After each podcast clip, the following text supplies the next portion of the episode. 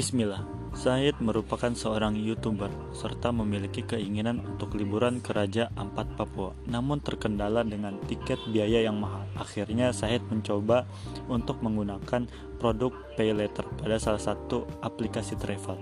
Bagaimana konsep fikih produk pay letter tersebut? Mari kita bahas.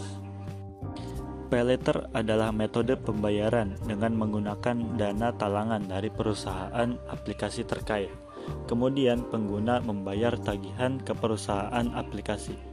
Fitur Pay Later memberikan konsumen kesempatan untuk memanfaatkan jasa dan layanan, sementara mereka membayar di akhir sesuai batas waktu yang diberikan. Prinsip dasarnya Pay Later adalah fitur dan produk yang netral, dan bermanfaat bagi pengguna pada khususnya. Misalnya pengguna yang ingin membeli barang atau melakukan perjalanan tetapi tidak memiliki uang tunai dapat menggunakan fitur ini sehingga transaksinya bisa dilakukan secara online. Apabila kebutuhan tersebut adalah kebaikan, kehadiran fitur ini memudahkan orang untuk menunaikan kebaikan.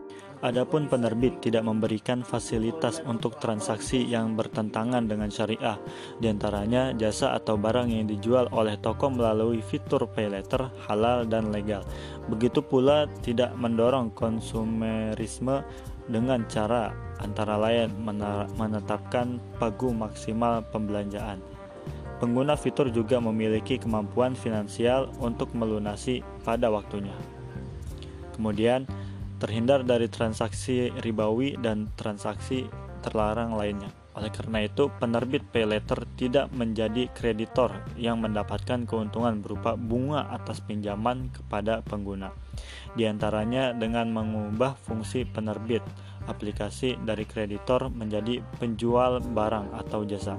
Singkatnya, keuntungan perusahaan adalah fee jasa atau margin jual beli dan bukan bunga atas pinjaman core dengan mengenakan fee penjaminan penerbit terhadap toko atas semua kewajiban bayar yang timbul dari transaksi antara konsumen dengan toko atas pemberian kafalah penerbit dapat menerima fee Selanjutnya, sesuai dengan peraturan perundangan, di antaranya mendapatkan penegasan sesuaian syariah dari regulator serta otoritas fatwa Indonesia, yaitu DSN MUI, sehingga memberikan kenyamanan kepada konsumen karena telah mendapatkan legitimasi.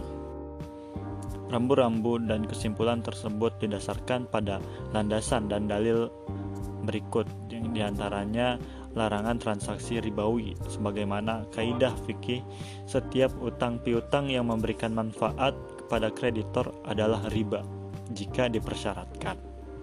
Adapun dalam hadis sebagaimana hadis Rasulullah SAW bersabda, tinggalkan yang meragukanmu kepada sesuatu yang tidak meragukanmu. Hadis riwayat Tirmizi. Selanjutnya setidaknya ada empat pandangan hukum dalam hal pay letter ini. Pertama, pay letter dihukumi sebagai riba. Ketika seorang menggunakan pay letter untuk memenuhi kebutuhannya, maka secara otomatis pihak provider platform pay letter tersebut berperan selaku yang mengutangi pihak konsumen untuk keperluan menebus barang atau jasa yang dipesan. Keberadaan syarat tambahan yang berlangsung di muka menjadikan akad ini masuk ke dalam rumpun kordu jaro naf'an, yaitu utang dengan mengambil kemanfaatan. Kedua, yaitu pay letter dihukumi sebagai akad ijarah. Ijarah merupakan akad sewa jasa disebabkan adanya alat perantara atau penyintas antara konsumen dengan pihak provider secara langsung. Wisatoh itu adalah berupa aplikasi Traveloka. Sebab tanpa keberadaan aplikasi tersebut, konsumen tidak bisa mengajukan pinjaman kepada pihak provider secara langsung. Ketiga, pay letter dapat dipandang sebagai akad bayi bi al-wafa. Bayi bi al-wafa adalah sebuah praktik jual beli yang dilakukan oleh seseorang karena adanya hajat yang tidak bisa dihindari, sehingga perlu orang ketiga menjadi pihak perantara. akad jual beli konsumen ke penjual barang atau jasa beralih ke relasi jual beli antara konsumen dengan provider. Jadi, seolah barang atau jasa yang dibutuhkan oleh konsumen dibeli terlebih dahulu oleh provider. Selanjutnya, barang tersebut dijual kembali ke konsumen dengan harga kredit. Keempat, pay letter dapat dipandang sebagai akad jasa mencarikan utangan dengan prinsip jualah. Jualah merupakan akad sayembara seolah pihak konsumen melalui penyintas berupa aplikasi itu sedang bilang ke provider, "Aku sedang membeli barang atau jasa ini dan aku kurang. Tolong carikan aku utangan. Nanti kamu saya kasih 10% dari dana itu yang aku bayar dalam satu tahun." 10% dari 1 juta adalah 100 ribu. Jika pihak provider mampu mencarikan 2 juta, itu berarti dia berhak menerima dana 200 ribu. Tak urung Akad semacam ini adalah masuk akad jualah atau sayembara, serta tidak dapat disebut sebagai riba disebabkan adanya wasilah berupa barang atau jasa dan aplikasi.